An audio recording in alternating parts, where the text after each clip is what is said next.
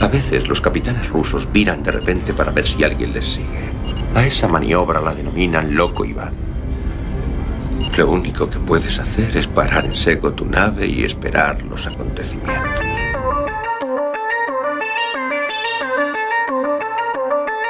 Galaxy 347 of Space Patrol calling unidentified ship. Good night, a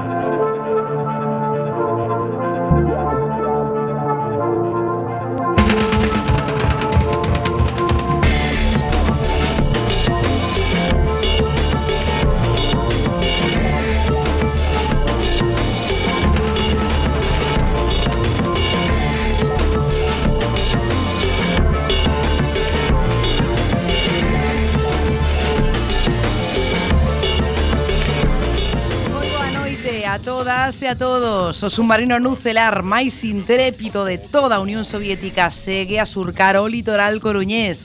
Unha ofensiva intentou acabar con nós. Nun capitalista intento por pechar as ondas de Cuac, fixerono, pero de momento é sona na FM. Pero seguimos adiante porque somos unha saga de valentes. Precisamente por iso, esta noite decidimos falar de sagas, de familias, de parentescos incribles. Prepárense para unha hora chea de aventuras fascinantes, segundas e terceras partes infumentas, entrevistas e moita música. Somos fans das razas de noite, dos vampiros de Santa Carla, de Matrix, dos xarnados, do Jeepers Creepers e de toda aquela saga ou familia maldita cita pensada polo señor Wes Craven. Todo isto non podería ser posible sen o señor Bugalov na sala de máquinas. Na sala de torpedos, o camarada Lamelov. Boa noite, camarada. O Tovaris Esmendrellev. Boa noite a todas. E as camaradas Beosca. Hola, que tal? Moi ben. E a nosa sarxenta de seguridade, Nadia Conachova. Todo correcto por aquí, boa noite. E a capitana Esbletana Ibaruri Isto é Loco Iván, comezamos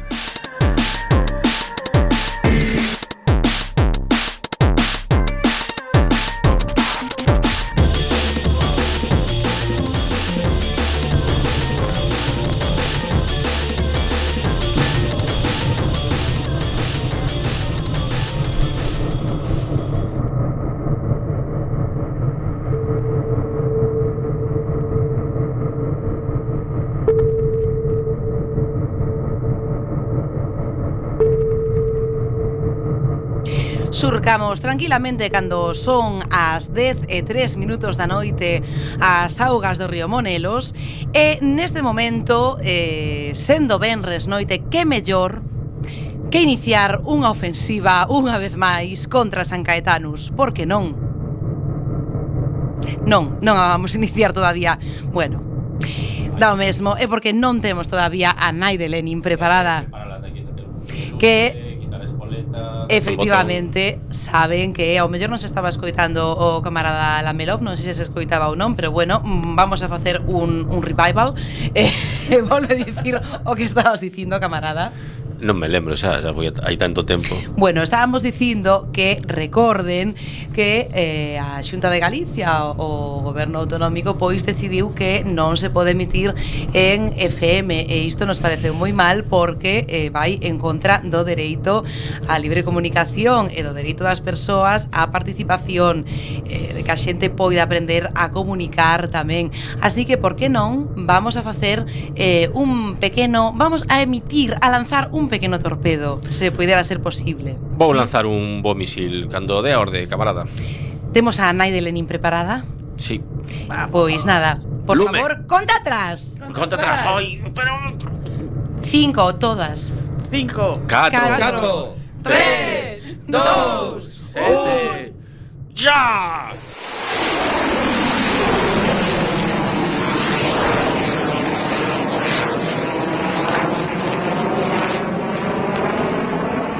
Vai bastante. Ah, ah, ah. Ah, ah. Sí sabrán lo que es. Hurra! Hurra! como xa os votamos a semana pasada parece que non non ten o Non se mesmo efecto, xa non nos emociona tanto, pero bueno. Había un supervivinte. Xa, xa non. Agora xa. Bueno. Pois nada, pois como xa tiramos a nai de Lenin, eh, como, ah, enténdase, como xa tiramos a, ao torpedo nai de Lenin, pois vamos coas noticias máis destacadas da semana que sexa isto en FM ou por internet, temos que seguir informando. Así que vamos a salir arriba periscopio.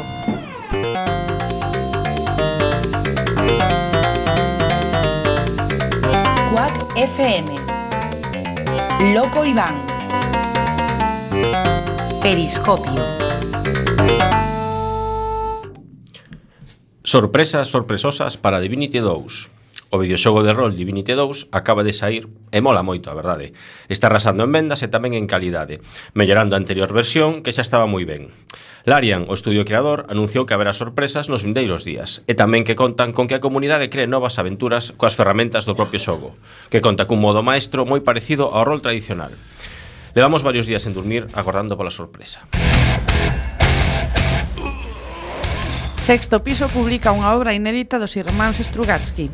Trátase da obra Mil millóns de anos ata fin do mundo, que permaneceu sen publicar desde o ano 77 e que trata sobre científicos tolos, paranoias, conspiracións e todo tipo de tolemias, contando co peculiar sentido do humor dos escritores soviéticos. A novela conta a historia do científico Dmitri Malianov, que non Marianov, que está a piques de facer un descubrimento trascendental para a humanidade, así que envía a súa familia lonxe para poder traballar sen distraccións. Pero Mariano sufrirá todo tipo de distraccións que dificultarán rematar o seu descubrimento. A editorial Sexto Piso publica a novela que estará a venda por 17 denarios. HBO fará unha serie de Watchmen, Sí, pode parecer unha boa nova que unha das mellores productoras de series decidira facer unha do mitiquísimo cómic do non menos mítico Alan Moore, máis conocido como Petaman. O malo é que Damon Lindelof vai ser o encargado de dar vida aos, vi, aos vixiantes de DC. E xa sabemos o que perpetrou este fillo de ministro en Perdidos e Prometeus. Non sabemos aínda como escapou do gulag, pero faremos todo posible para traelo de volta e poñelo a cavar cenorias.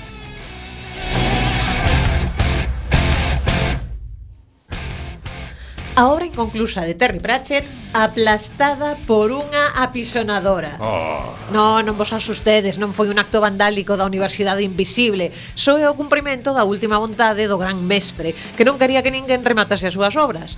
En total eran 10 novelas en rematar que estaban en varios discos duros, os cales foron aplastados por unha apisonadora que supoñemos pediron prestado ao PP.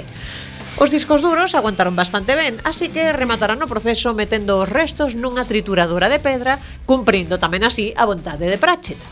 E non olvidedes que Rihanna Pratchett, a filla de Pratchett e Jim Henson Company están realizando a película Os pequenos homes libres. Abandon Ship ten piratas e krakens Trátase dun videoxogo que permite controlar un barco pirata e a súa tripulación nunha singladura chea de perigos, desde barcos rivais ata monstruos mariños das profundidades abismais cheos de tentáculos. A parte de manexo da tripulación lembra do itivo Faster Than Light, mentras que a parte de aventuras ten moito de Sunless Sea, un videoxogo steampunk do que xa vos falamos hai uns cantos, uns cantos lustros, do lustre que lle deu o camarada Stajanov ao submarino por fora. Ten prevista a súa saída antes de que remate o ano e polo que podemos ver ten pinta de ser moi bo. As mulleres gañan nos Premios Hugo 2017. No pasado verán celebráronse os Premios Hugo de Literatura de Ciencia Ficción e Fantasía. Nesta última edición as mulleres levaron os premios en todas as categorías, eh, como premio a mellor novela, que foi para Nora K. Jemisin por The Obelisk Gate, a Porta do Belisco, ou a mellor novela curta, que foi para Sinan Maguire por Every Heart a Doorway, Cada Corazón unha Porta, mentres que Ursula Vernon gañou o premio ao mellor relato con The Tomato Chief, o ladrón do tomate. Nada, Uga é dicir que neste caso non Perdón, só gana... o tomate ladrón. O tomate ladrón. sí. Non o ladrón do tomate, pero... Ah, ah. o tomate ladrón. O non concebía que o personaxe fose o tomate. En calquera caso, saber que non só non só ganaron as mulleres, ganaron tamén as minorías e que saibades que a min que me interesa ese tema, a Alama Sargait da ciencia ficción americana están que trinan, que se fodan. Xa temos candidaturas aos xogos de mesa do ano. O xurado do Premio ao Xogo do ano 2017 anunciou as finalistas e tamén a lista de xogos recomendados. Os premios naceron no ano 2005 e pretenden dar unha maior visibilidade aos modernos xogos de mesa que se publican no noso país e defender que os xogos de mesa son unha actividade lúdica moi recomendable, ademais de cervexeira. Os xogos finalistas deste ano son Dice Force, Istanbul, Magic Maze, Samurai e Tikal. Tamén recomendan varios títulos, entre eles Terraforming Mars e Viticulture. Dúas recomendacións as que nos sumamos. Camarada Capitana, tome nota para estas longas noites de treboada no submarino. Só so quedan 17 días para que saia Seven, The Days Long Gone. Sabemos que todo o mundo estaba agardando pola saída deste videoxogo de rol isométrico, posapocalíptico, aberto, escuro e cheo de conspiracións, intrigas e aventuras. No seu desenvolvemento hai implicada xente de CD Projekt Red, Xa sabedes, o estudio que fixo a saga de Witcher. A principal novidade é que a mecánica permitirá superar como se fora un xogo de plataformas ou de parkour o cal engade unha maior liberdade de acción. Panini Comics publicará Fatal. Trátase dun cómic de xénero negro realizado por Ed Brubaker e Sean Phillips, que conta cunha poderosa protagonista femenina, Josephine, unha fen fatal un tanto peculiar, xa que é inmortal e ten unha peculiaridade, a de destruir a existencia de todos os que se cruzan no seu camiño. Vamos, o que ven sendo unha fen fatal. É un xénero negro de terror con numerosas referencias lovecraftianas de cousas tentaculares, espaciais, que sairá publicado en dous tomos, o primeiro do 23 de novembro e o segundo o ano que ven. A obra sairá entre os anos 2012 e 2014, sairá entre os anos 2012 e 2014 e agora sae integrada para maior comodidade.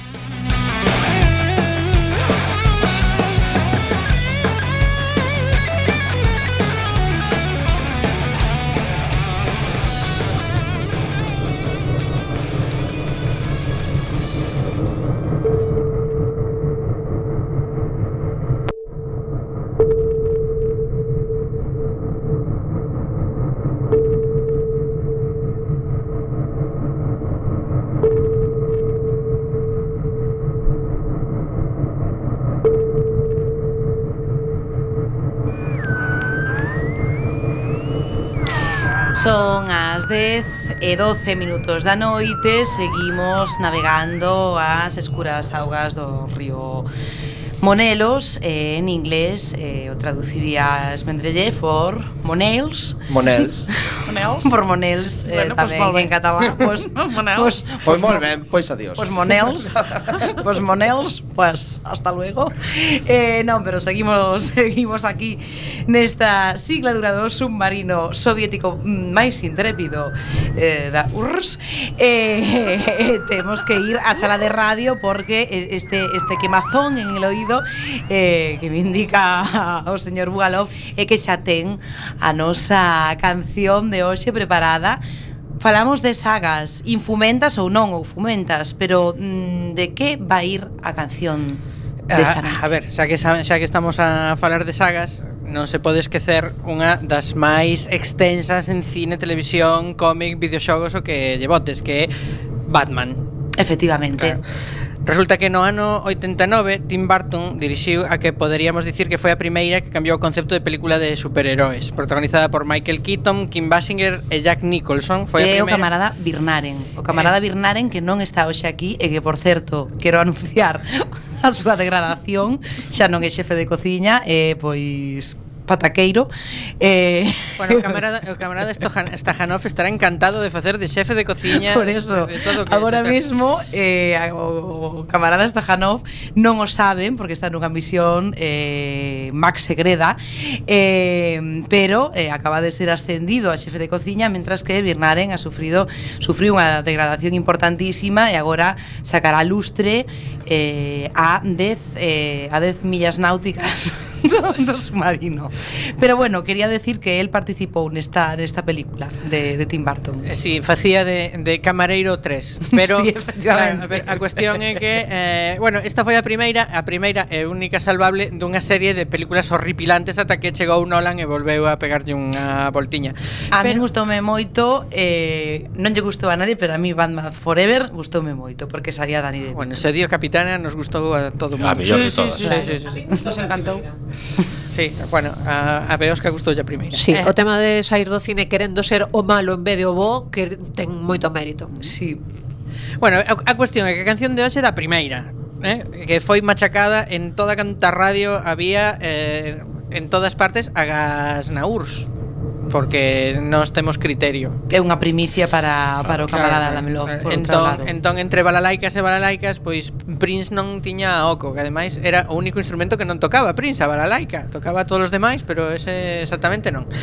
Eh, bueno, a cuestión é que mm, esta canción tivo un rexurdimento aí, eh, Prince mesmo tivo un rexurdimento xodado para a película, pero bueno, mellor que escoitedes eh, eh, así deixades de escoitar o ruido das máquinas do submarino. Live one here.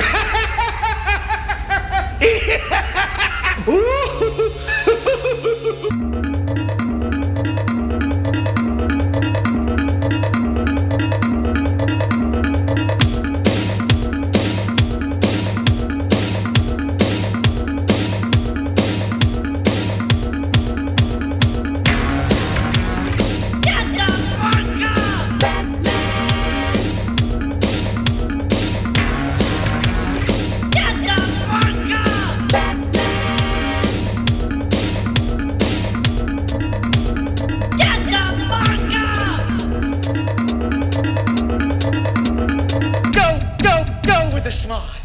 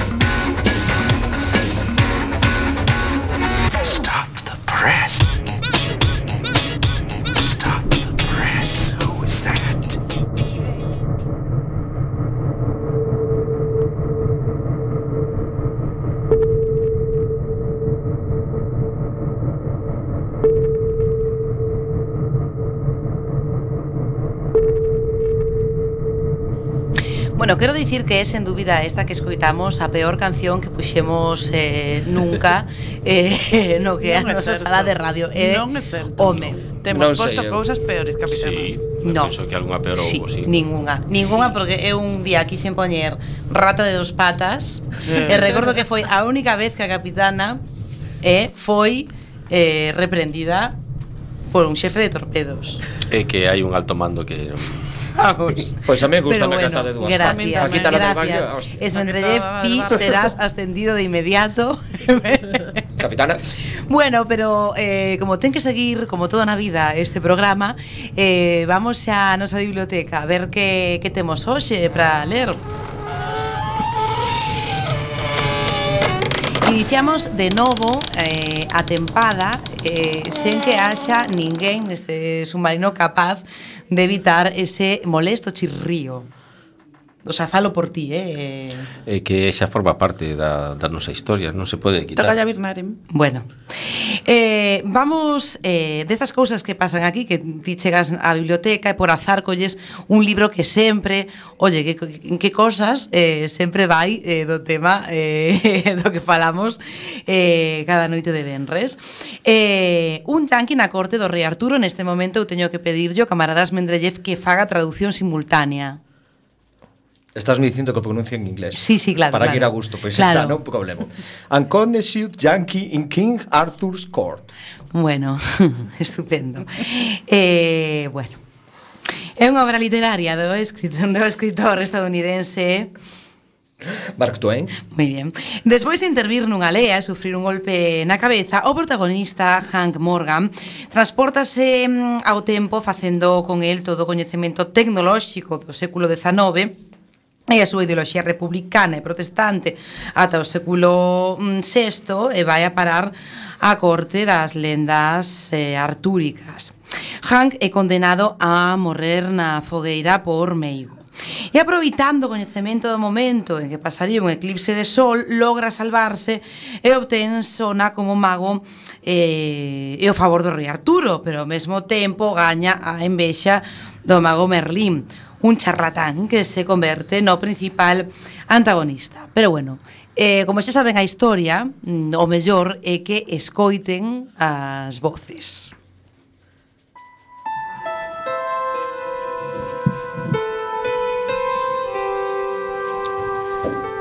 Le conozco, repuso Sir Wine. Es el mejor caballero que he visto en vida. ¿En vida? Si tienes algún defecto, Elisenda es el de ser demasiado arcaica al hablar, pero no importa. Porque le vi luchar en una justa a la cual acudieron muchos caballeros y ninguno de ellos pudo vencerle.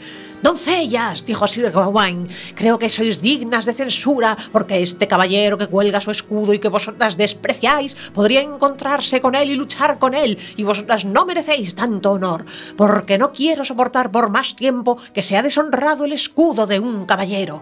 Sir Wine y Sir Gawain se apartaron algo de las doncellas y vieron que Sir Mazaus se acercaba cabalgando en un enorme corcel. Cuando las doncellas vieron a Sir Mazaus, huyeron hacia la torre sobrecogidas de terror y durante el camino algunas de ellas cayeron. Entonces uno de los caballeros de la torre se dispuso al combate y le dijo a Sir Mazaus, ¡Defiéndete! Y se lanzó contra él y rompió su lanza y Sir Mazaus le hirió tan gravemente que le cortó el cuello y un pedazo de grupa de su caballo.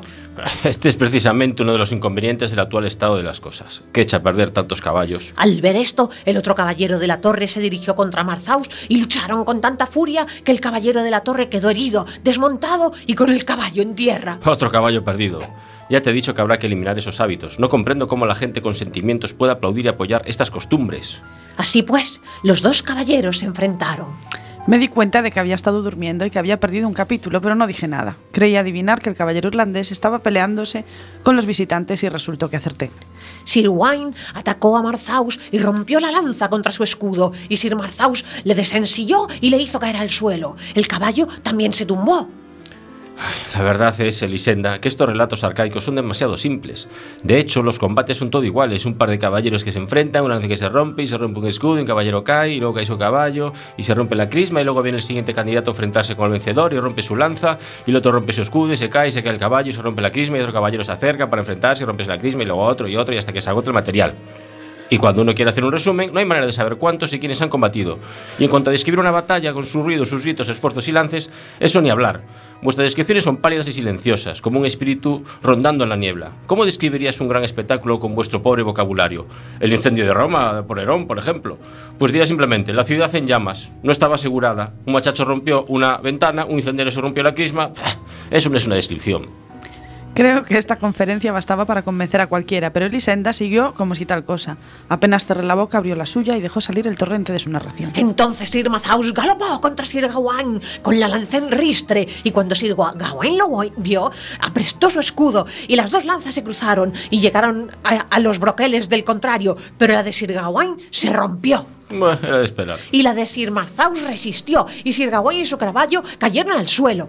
Claro está, y se rompieron la crisma. Pero Sir Gawain se levantó de un salto y sacó la espada y se enfrentó contra Sir Marzaus y pelearon con gran ánimo, rompiéndose los escudos e hiriéndose los dos. A medida que avanzaban las horas, pasadas ya las nueve, la fuerza de Sir Gawain aumentaba y Sir Marzaus, al verlo, se quedó maravillado de ver la fuerza de Sir Gawain aumentaba y fue herido otra vez. Y cuando ya llegaba el mediodía, El runrunero de esa, de esa narración me llevó a recordar mi infancia. New Haven, 10 minutos de parada. La campana sonará dos minutos antes de partir el tren.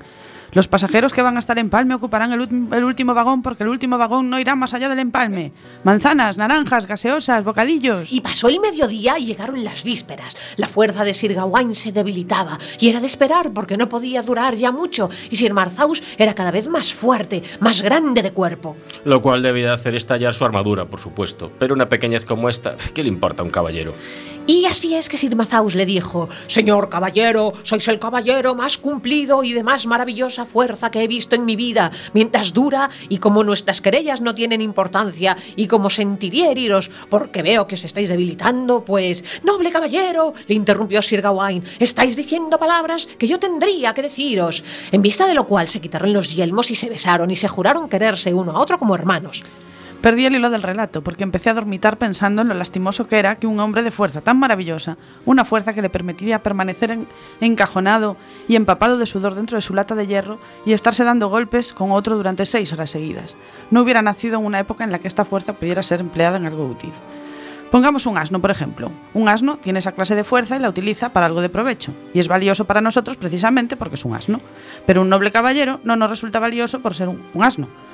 Y además, si cometes algún error, te arma un lío que nadie sabe cómo acabará. Y cuando desperté y escuché, me di cuenta de que había perdido otro capítulo y que Elisenda había vagabundeado mucho en compañía de sus caballeros.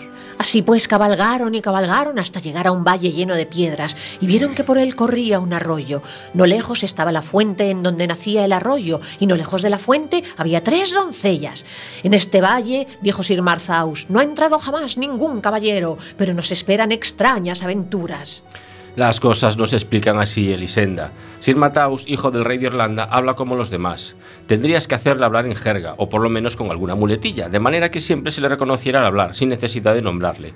Este es uno de los trucos literarios más comunes en los grandes autores. Tendríais que hacerte decir, por ejemplo, en este valle, ¿verdad? No ha entrado jamás ningún caballero, ¿verdad? Pero nos esperan extrañas aventuras, ¿verdad? Pero nos esperan extrañas aventuras, ¿verdad?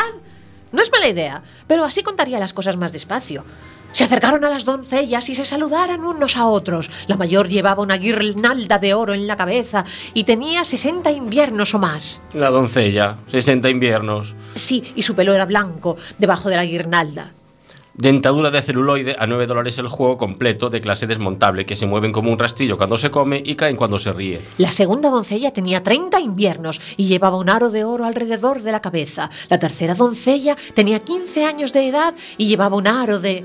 Me asaltaron nuevas oleadas de pensamientos y dejé de oír la voz de Elisenda.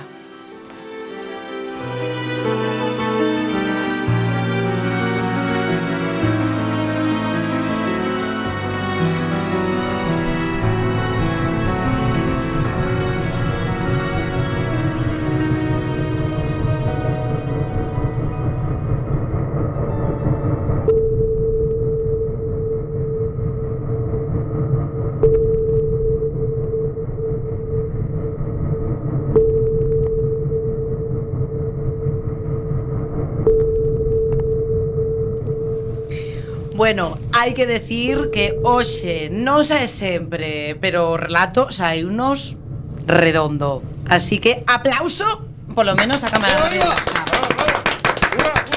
Basta.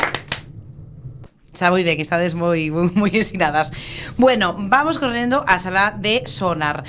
Eh, abriríamos a escotilla, que é o que facemos sempre, pero eh, decidín que non vamos a abrir escotilla hoxe. A ver, podemos abrir.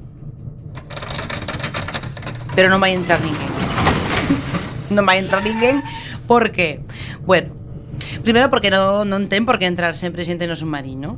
Eh, segundo, porque vamos máis alá e eh, decidimos mandar a unha das nosas eh, colaboradoras a Aurolova Uraniova decidimos mandar a Alita Comics, a esa tenda de cómics eh, amiga daqui do programa que está na Rúa Orzán, na Coruña, onde fai unha semana, creo, máis ou menos, eh, que eh, Nieves Delgado presentaba a súa nova novela, que é 36, que nos volve a falar, como sempre, un pouco eh, unha idea sempre da, da obra de, de Nieves, que é da inteligencia artificial, das listas robótica, etc. Entón, bueno, pois Nieves non se podía achegar ao submarino e decidimos que a nosa gran camarada Auro Bolova eh, fora talí a facerlle unha entrevista in situ que a que vamos a escoitar agora mesmo. Estamos aquí con Nieves Delgado, eh, física, astrofísica, profesora de instituto y también escritora de ciencia ficción. Va a presentar hoy en Alita Comics en la calle Orzán su última novela, 36, que trata de un futuro no demasiado lejano y las consecuencias que tiene la introducción de las inteligencias artificiales en una sociedad humana. Pues nada, cuéntame, Nieves, eh, ¿cómo empezaste a adentrarte en la ciencia ficción? Bueno, eh, gracias por invitarme en primer lugar y te contesto así de una manera rapidita. Eh, yo leo ciencia ficción desde que era pequeña y, siempre ha sido mi pasión la ciencia ficción, el terror, el género fantástico en general. Eh, la ciencia ficción me, ha llamado desde siempre, entre otras cosas también porque me interesaban los temas científicos. Entonces una cosa siempre ha llevado a la otra y era como una especie de bucle. ¿no? Como luego pues me decidí también a, a hacer estudios científicos, pues mm, empecé a, a, leer también ciencia ficción ya más especializada en este tipo de temas y bueno, y al final pues me decidí a escribir historias. Muy bien, y bueno, tú estudiaste física, eh, ¿cómo aplicas tus conocimientos de física a las novelas? ¿Crees que es importante una diferenciación entre ciencia ficción dura y blanda? Bueno, buena pregunta. A ver, eh, yo no escribo en principio ciencia ficción dura porque es, es, muy complicado escribir ciencia ficción dura porque hay que documentarse mucho, hay que ser muy cuidadoso y si quieres hacer algo nuevo, eh, realmente interesante en ciencia ficción dura, pues es un trabajo muy importante. Eh, y además el público es muy exigente, es especialmente exigente. Eh, ¿cómo, ¿Cómo traslado yo los conocimientos científicos a mis historias? Pues intentando no meter la pata, que es una cosa muy importante. Es decir, que todo lo que escribas, pues que sea coherente con las leyes científicas actuales, tienes que conocer un poco el asunto y no, meter patadas, pues las típicas, pues como ves en las películas, ¿no? De explosiones en el espacio que se escuchan y este tipo de cosas que son horrorosas. Intento no que, que, que eso no pase en mis historias, pero no, la verdad es que salvo algún relato concreto que sí tengo alguna cosita de ciencia ficción dura, no, no he metido todavía la zarpa en ese terreno. Vale. Eh, bueno, eh, tú has escrito ya varias obras, un compendio de relatos, también eh, publicaste un relato de una antología llamada Quasar y has recibido un premio Ignotus. Sí. Háblame de eso. Pues mira, el premio Ignotus, la verdad es que fue una sorpresa porque antes de recibir el premio, por otro relato anterior, estuve nominada a otro, al mismo premio, pero con otro relato. Y el premio Ignotus es un premio que no, tú no te puedes presentar a él. Es decir, no hay novelas candidatas en el sentido tradicional de que tú coges tu obra y la presentas, ¿no? Sino que es una votación popular, no hay un jurado, hay una votación popular de gente que vota. Eh, a las novelas, eh, bueno, hay distintos formatos, novela corta, cuento, novela larga, hay distintos formatos y en todos ellos vota un público eh, entre todo lo que ha sido publicado el año anterior. Entonces, claro, es un premio mmm, que supone un reconocimiento importante porque de todo lo que se ha publicado en este país durante un año entero, tu obra es la que ha sido seleccionada y eso, eso es una pasada. Yo, para mí fue eh, algo inesperado y de verdad que es un subidón tremendo. Bueno, pues hoy vamos a presentar 36. Eh, en esta novela se habla un poquito del concepto de identidad, eh, además de la inteligencia artificial, y bueno, haces unos planteamientos bastante profundos para ser una novela relativamente breve, ¿no? Por decirlo así. Eh, ¿Qué te llevó a eso? Bueno, la ciencia ficción que a mí me gusta en realidad tiene esos componentes. Tiene componentes sociales y tiene mucha, mucha introspección y tiene también mucha especulación. Me gustan esos elementos.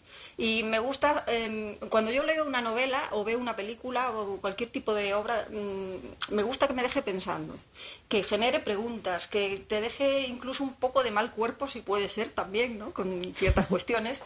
Y, en este caso, pues... eh, se me ocurrió mm, cuestionar un poco eh, lo que, lo que es en sí mismo el ser humano. Y la mejor manera de hacerlo, pues es mm, eh, ofrecer una vista del ser humano desde un punto externo. Y puede, se puede hacer de varias maneras, pero una de ellas pues, es mediante una inteligencia artificial que nace y que no es humana, pero que sí es capaz de observar todo lo que sucede en la sociedad humana. Bueno, me pareció interesante los conflictos que podrían surgir ahí y cómo podría evolucionar, y eso es 36. Pues esa es la novela que vamos a, a presentar hoy. Y por último, bueno, eh, algunos. Bueno, primero dime cuáles son tus autores de ciencia ficción favoritos. Mi autor favorito, a pesar de ser el personaje que es como persona que tiene muchas sombras, mi autor favorito, eh, porque mi obra favorita es El juego de Ender, mi autor favorito es Scott Carr. Pero bueno, tengo, la verdad es que tengo muchos referentes, me gusta mucho, bueno, Asimov, por supuesto, todo lo que tenga que ver con robots e inteligencias artificiales, me gusta mucho Clark, por ejemplo, me- no sé, hay muchísimos, Ursula Guin, me parece una pasada, y, bueno, en general, mm, todo lo que tenga un cierto trasfondo social me interesa mucho. Mm. Y ahora sí, por último, eh, algún consejiño para los que nos estén escuchando, para ponerse a escribir, que les podrías... Mm, No sé si soy yo la más adecuada para dar consejos porque no soy nada disciplinada, por ejemplo. Eh, esto, esto de lo que se trata es de, mm, cuando tú tienes una idea que te parece buena, mm, volcar todo tu ser en eso, explorar todas las opciones que se te puedan ocurrir y eh, ponerte a ellos, que en realidad no hay otro secreto. El secreto es ponerse, eh, un día no te sale nada, otro día te sale una mierda que tienes que tirar a papelera, al día siguiente tienes que rehacer lo que habías hecho el anterior, pero eh, tienes días de esos que dices, uy, qué bueno es esto que acabo de escribir, qué bien me lo he pasado. Sobre todo hay que disfrutar. Si no disfrutas con lo que escribes, no escribas. Genial, Nieves, pues muchísimas gracias y nada, recomendar a todo el mundo que compre su novela 36, que se la lea porque es muy entretenida, muy ágil y, y la verdad que, que está muy bien. Muchas gracias, Nieves. Gracias a ti. Hasta luego.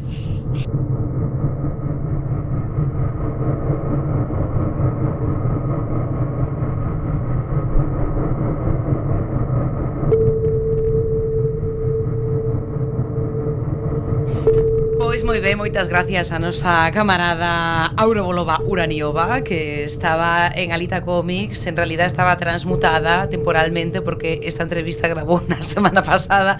E a presentación do libro 36 foi a semana pasada, pero poden ir compralo a Alita Comics ou a algunha das eh, tendas que hai eh, na Coruña, vamos, ou onde ou onde estean. Son os problemas do directo. Son os problemas do directo son así, pero o que sí que xa en directo é a nosa entrada, a nosa inmersión. Vamos profundizar Estamos profundizando, efectivamente, no noso tema do día, as sagas.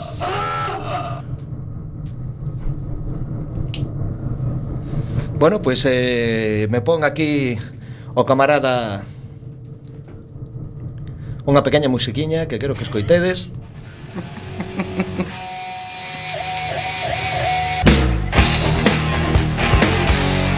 Que es esto? isto? lo que yo esperaba no. Eso non estaba no guión. Esa é Pipi Armstrong. Que es isto? Deixa, deixa. Bueno, tampouco Pero está non tan... era esto. Da igual, tiramos, tiramos, tiramos para adiante. Bueno, pois pues nada. A ver se recoñeces. Según del programa. para está falar, correndo? para falar das sagas eh... Ah, bueno, esta ah, sí. Hola. Esta pode ser. A outra molaba máis.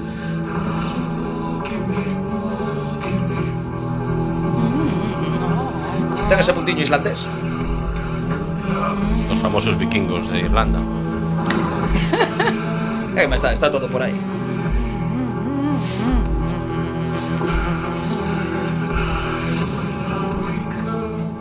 E bueno, nada, pois eso, que se falamos de sagas hai que falar pois, de onde surde o termo, non? Que son obras literarias, surdidas na Idade Media, entre os séculos 12 e 14, e para que complicarnos? Pois agora mesmo hai unha serie que lle mola moito a moita xente que Vikings, que está basada nunha saga que é a saga de Ragnar Lothbrok que siga as aventuras de Ragnar e a súa familia, que é algo moi de saga, seguir as aventuras das familias. Moi de no? como a min.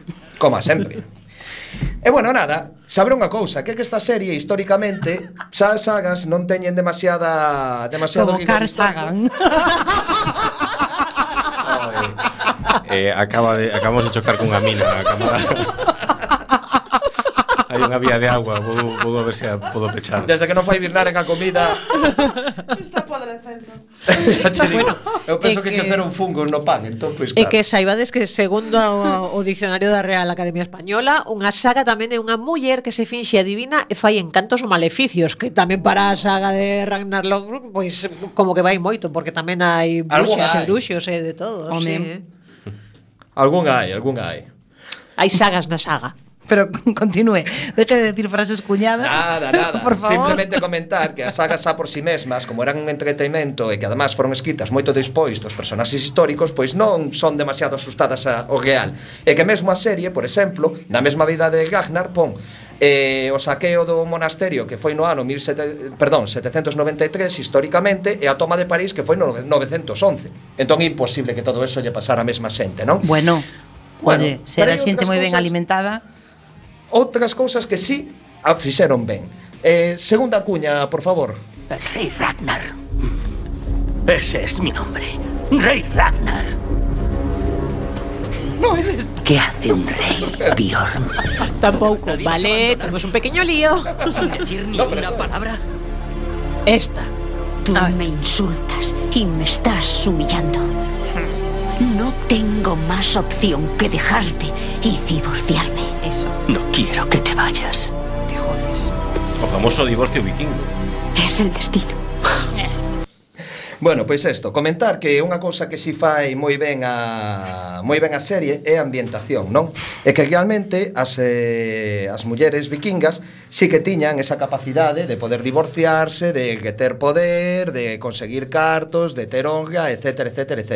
Facer notar tamén que no caso de la Guerta, o que dicían realmente as, as historias bolsungas antiguas, que igual non o meteron na serie por pouco crible, é que vendo a pelear, ela era unha Shield Maiden, eh, o que ven sendo unha escudeira, pero bueno, ali ten unhas connotacións de, de muller moi forte, ganguegueira e tal, que se coñeceron en batalla e que se molaron e que a tío invitou aí a gaznar a súa casa en vez de poñerlle un viño, fixo que se estilaba ali que foi botarlle un lobo e un oso que o tío os estrangulou os dous e a que tía dixo, va, pois este Me cunde. cunde, pa un apaño, valme E a partir de aí comezou o romance da segunda muller de Ragnar Lovelock. Pero espera, la guerra era, o sea, em, vamos a pensar que non que ninguén viu a serie. Uh -huh. Entonces, en tu conocimiento, si es uh -huh. cierto, Hmm. La Gerda foi a primeira muller de, de Ragnar. La Gerda, nas sagas que do que estamos falando, por non facer spoiler, é a segunda muller de Lovelock. Pero por non facer spoiler da igual, porque non vamos a facer un spoiler dunha saga, ¿no? Efectivamente, porque está é un caso literario. Eso... Ah, bueno, un spoiler literario. Bueno, vale, pero bueno. O vamos a... a... Aquí Non hai problema. Claro, que por eso. Vamos a esta pequena licencia. La Gerda es first wife eh, in the serie, but in the saga is ah. the, eh, eh. the second one. Is the second one. Capitana, ruso, por favor, ruso, vale, ruso. É que a camarada ten o C2 como Pablo Iglesias. Como... Oye, vamos, el celga... De feito, de feito, a primeira muller é unha muller que o seu pai encerrouna nunha torre para que non a secuestraran para, pois para, para o que fora que secuestraban as mulleres os vikingos. Non se nos ocorre. que meteu unha serpe dentro dun cofre con ouro que como todo mundo sabe o que pasa cando eso, que a serpente engorda hasta ser como Smaug, Ragnar Lothbrok ah matou a serpe máxica, era todo un pouquiño máis de outra forma. Vale. Pero logo de la guerra tivo outra muller. Outras dúas. Outras dúas. Eh, non, eh, perdón, logo de la guerra outra máis. Asla, jo, bueno. Asla que es en una serie es una chunga. bueno, un pouco pija sí que. Es una chunga, non me gusta nada. É o que representa ese tipo de muller desa, desa época tamén. E tamén, xa para rematar, pero. comen que ibas, comen que ibas. Joder, pero a ver, Está falando dunha muller poderosa dunha señora feudal vikinga. Que pensabas? Que estaba ti aí Asumando os dereitos humanos igual, dos inmigrantes ou Siga, proceda, circule, circule. Acabo de ver circule. un funciño Acabo de ver un funciño circule. que mi ma, mi ma, mi ma. A ver se ahora resulta que hai que agnar un botío tamén. Eu non bueno, digo pues, nada. Na, Para que matar, solo dúas cousas. Nas sagas, Golo non é o irmán de Ragnar, é un personaxe que non ten ningunha relación con el. E, e Íbaro o Suesado gañou Dice, a lenda foi cambiando, primeiro falábase de York. Pero a, a, a Ibar o, o Suesado que é fillo de é Ragnar. De dos fillos de Ragnar. De Ragnar e de la Chunga. E de, da Chunga, de Aslak E realmente gañou, eh, non se sabe se Londres ou York, varía coa saga, porque apostou cun rei dali, co rei de Northumbria, que o único que quería como premio pola morte de, bueno, por unha morte que non vou contar, que se nos afago Claro, porque sería un spoiler, spoiler de nivel Era a tega que poidera cubrir cunha pel de boi Entón, colleu mm. a pel de boi, fixo a tiras moi finiñas, godeou a cidade e quedou con ela. Anda. E como última cousa, se alguén sabe algo de alguén que se escondeu nun ataúde, Eso sucedeu. Nas sagas fixo Born, cando tratou de conquistar unha cidade italiana que era unha merdiña pensando que era Roma, porque como nunca saíra do pueblo, pois ah. o capaz non discriminaba. Okay. Enganouse. Okay. Eh, nada, eso está na saga. Si entonces, eh, Born Ragnar Sol conquistou Roma estiveron convencidos durante casi mil anos. Pero que era un cadalito, cadalito de Troia ou... El cadalito de Troia, o tipo díxolle esos de dentro, díxolle os tipiños, eh, mira, temos un plan. Fixo como que morría, meteron no cadaleito, e non estaba morto, que estaba de paganda. Levantouse no medio coa súa guarda varona. Cuñada, cuñadismo máis de nuevo. Ha vuelto civilinamente a deslizar un cuñadismo. Por como pode ser isto? O sea, estamos falando de, de, de Ragnarsson O sea, todo, todo é todo é épica e de repente este cuñadismo É que, nuevo. é que me inspiraches co de Carl Sagan. bueno, nos está dicindo aquí o camarada Lamelov que quere falar, entón ante isto, pois pues nada. Eh, que, que nos quere comentar, camarada, sobre sagas infumentas? Pois pues agora non quero. Bueno, pois pues, eh, da igual. Sí. Vostede perdeu fai moito tempo a capacidade de, de querer, pero... Nunca tive, nunca tive. Xa sabes que son de xeo, camarada. um, pero que Pois- nos quere contar? Pois nada, primeiro que me poña Mariana musiquiña antes de Landstrum, sí. que era que molaba, tío. Non se chama Mariano. que sen música non podo falar. Marianol, o que estamos falando nas novas. Marianol é, unha, é como é para ir de para facer de ventre. Exactamente. na sentina do submarino. Bueno, hai tantas sagas no cine, na literatura e nos videoxogos como metros cadrados ten a miña calva.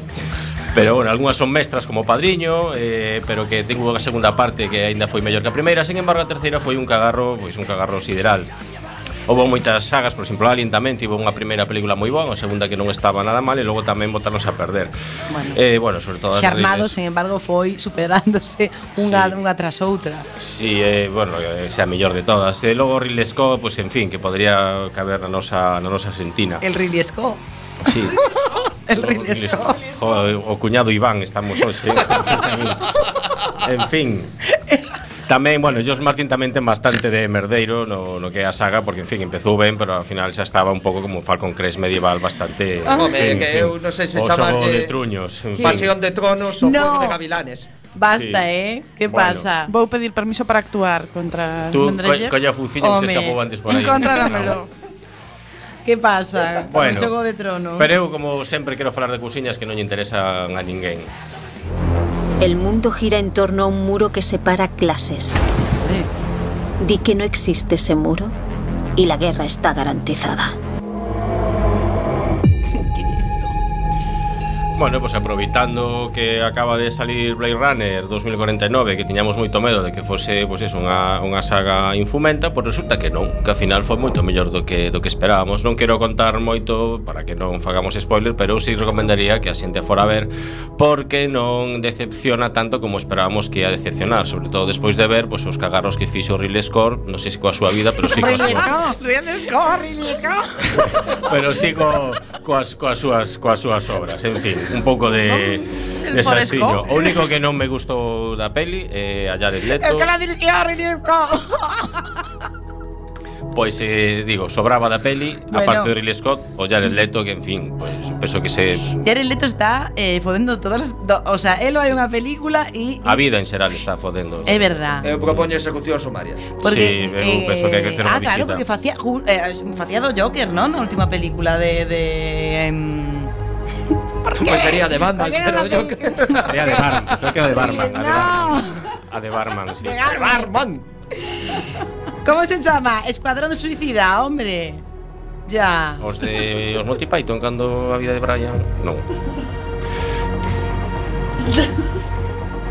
¿Qué es?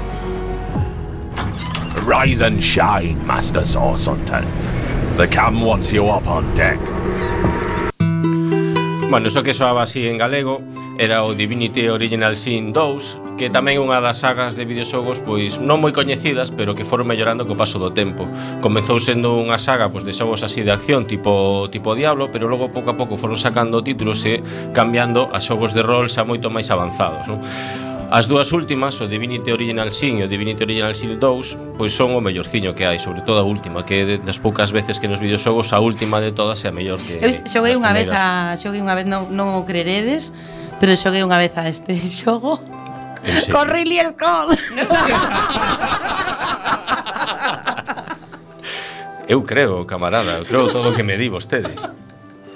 Bueno, é un, é un videoxogo que aparte ten modo Game Master que permite xogar como se si fora o rol tradicional utiliza, bueno, forzas físicas pois, por exemplo, podes eh, facer que sangre un enemigo conxear a sangue que logo resbare coa súa sangue mm. e que son cousas moi moi útiles non? tamén podes Vamos. electrocutalo e facer que se saian os miolos Pero logo como un gulag mm, Bueno, o gulag sempre está congelado, así que non hai problema O que pasa é que hai pouca sangre Eso do traballar, nada máis Traballar polo ben da humanidade Ben, este xogo Divinity estaba inspirado eh, noutra saga mítica, que era a saga última, a saga última de, de videoxogos tamén de, pues, do ordenador, que empezou Richard Garriott, o chamado Lord British, e que, bueno, foi tamén un, pues, un videoxogos bastante gloriosos, por así dicirlo.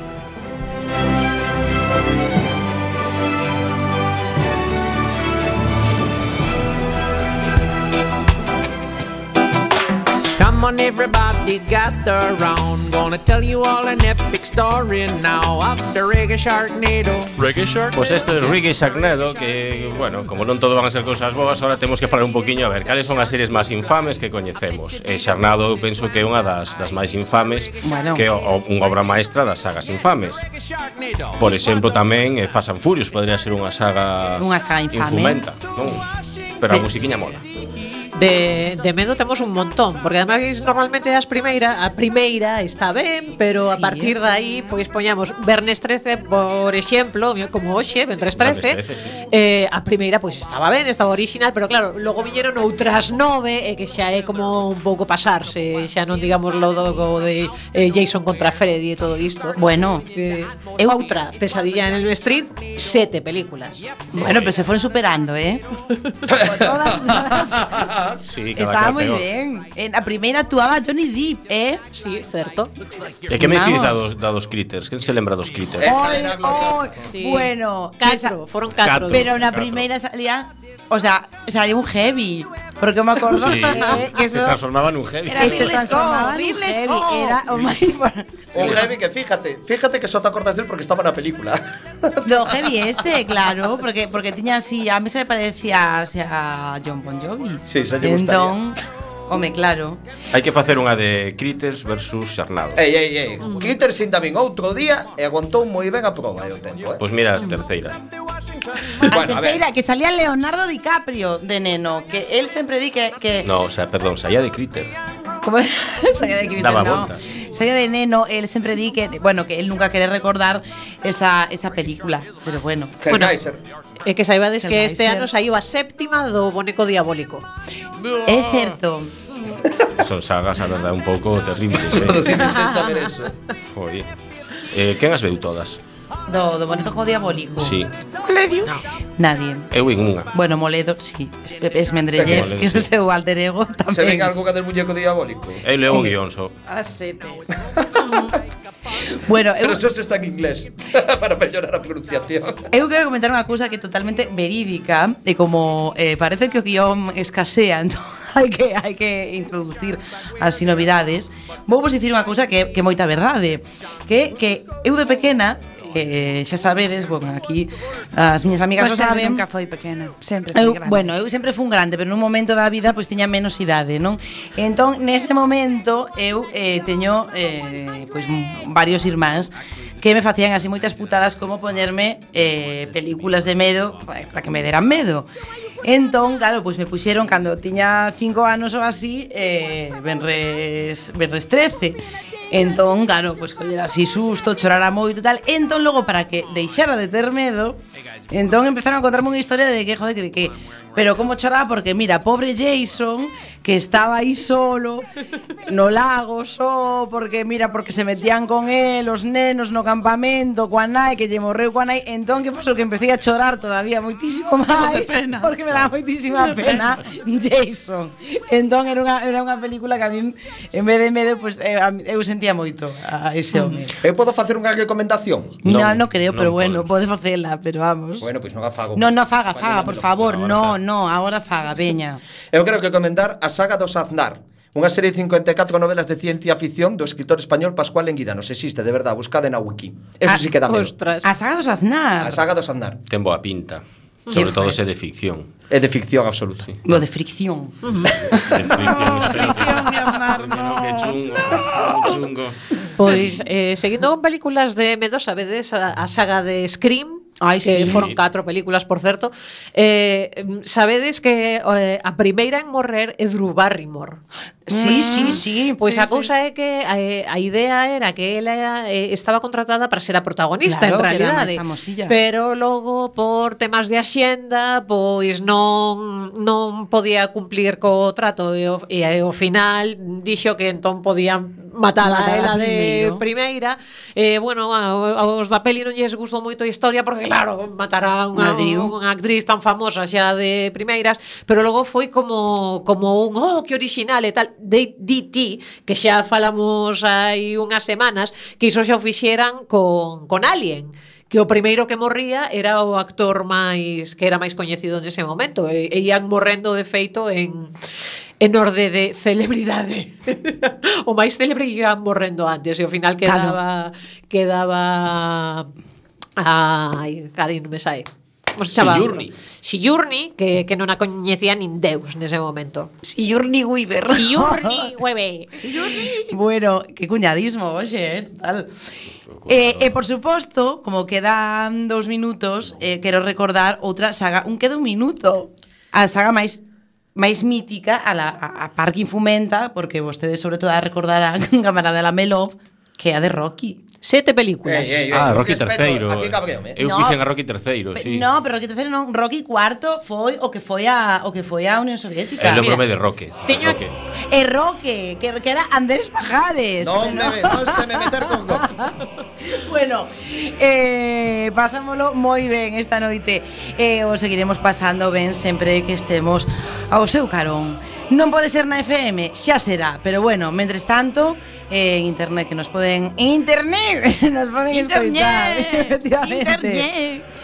Eh, nada, que sexan eh, moi moi moi felices, que saian o xusto, eh, que beban vodka con moderación eh, E que o pase moi ben e que nos escoiten o venres que ven outra vez ás 10 da noite. E nada, e que ata logo. E que molve. Molve. Wow.